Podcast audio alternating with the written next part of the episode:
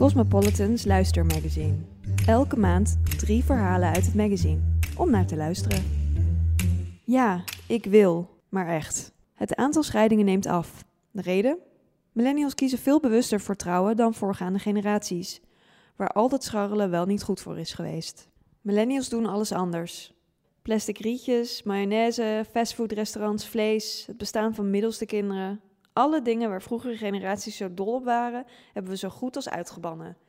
Niet om onszelf een extra schouderklopje te geven, maar ons laatste slachtoffer is pas echt indrukwekkend. Uit onderzoek blijkt namelijk dat millennials het echtscheidingspercentage officieel hebben verpletterd. En daar hebben we niet eens wereldschokkende dingen voor hoeven doen. Volgens cijfers van CBS trouwen twintigers en dertigers minder. Ze kiezen eerder voor geregistreerd partnerschap. In 1997 trouwden 83 van de 1000 vrouwen tussen de 25 en 30 jaar nog. In 2017 waren dat er nog maar 37. Er wordt vaak geroepen dat de helft van de huwelijken uitrijdt op een scheiding, maar dat is niet zo.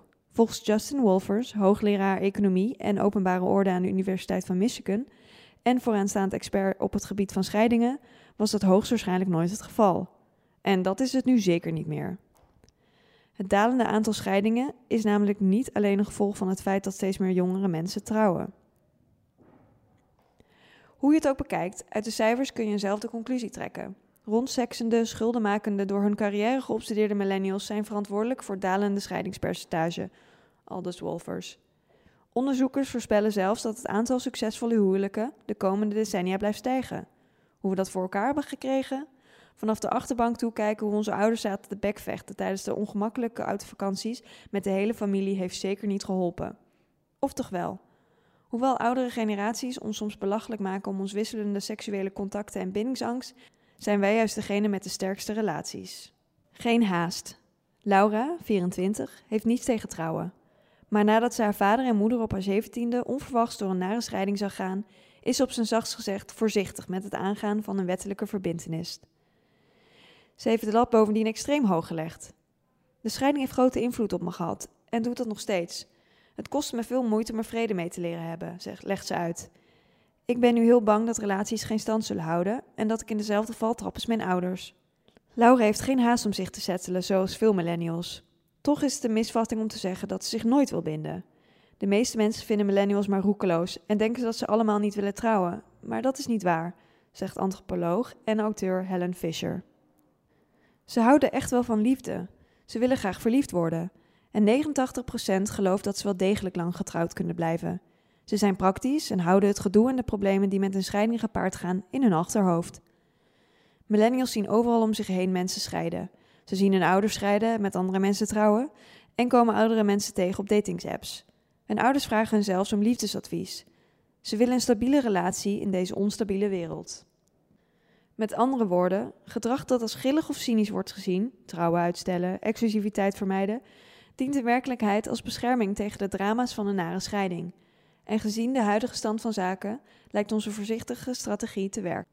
Scharrelen. Vroeger verliepen relaties meestal als volgt: eerst trouwen, daarna seks. Nu is het praktisch het tegenovergestelde, onder millennials althans.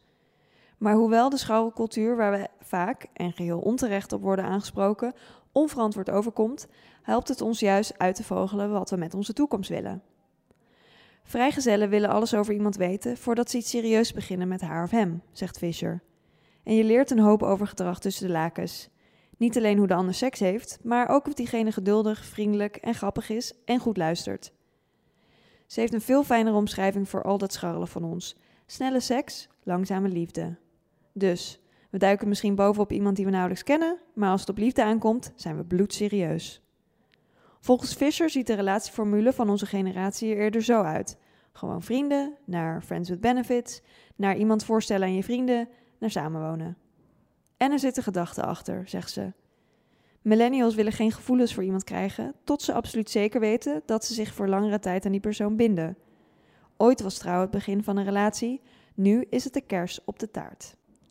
Afgevinkt.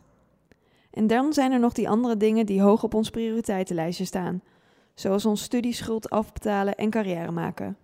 Vanuit een puur statistisch oogpunt bevinden we ons in een betere huwelijkspositie dan onze ouders als we die dingen hebben afgevinkt voordat we onze partner eeuwige trouw beloven, zegt Philip Cohen, hoogleraar sociologie aan de Universiteit van Maryland en auteur van The Coming Divorce Decline.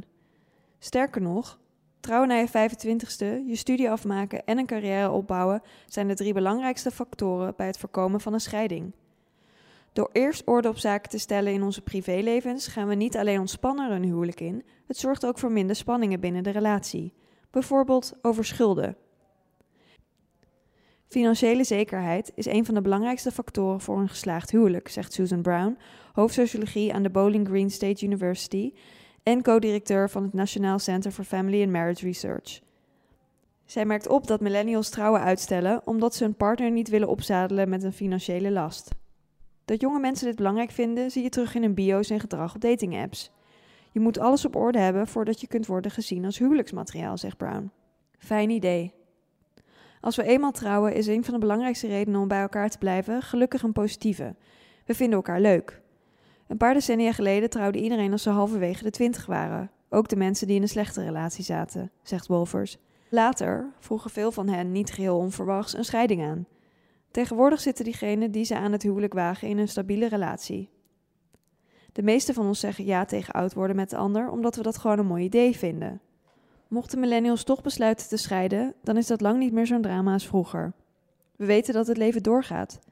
Toen Nathalie, 28, na zeven jaar de relatie met haar jeugdliefde verbrak, voelde ze zich als gescheiden jonge vrouw niet op haar gemak in de datingwereld.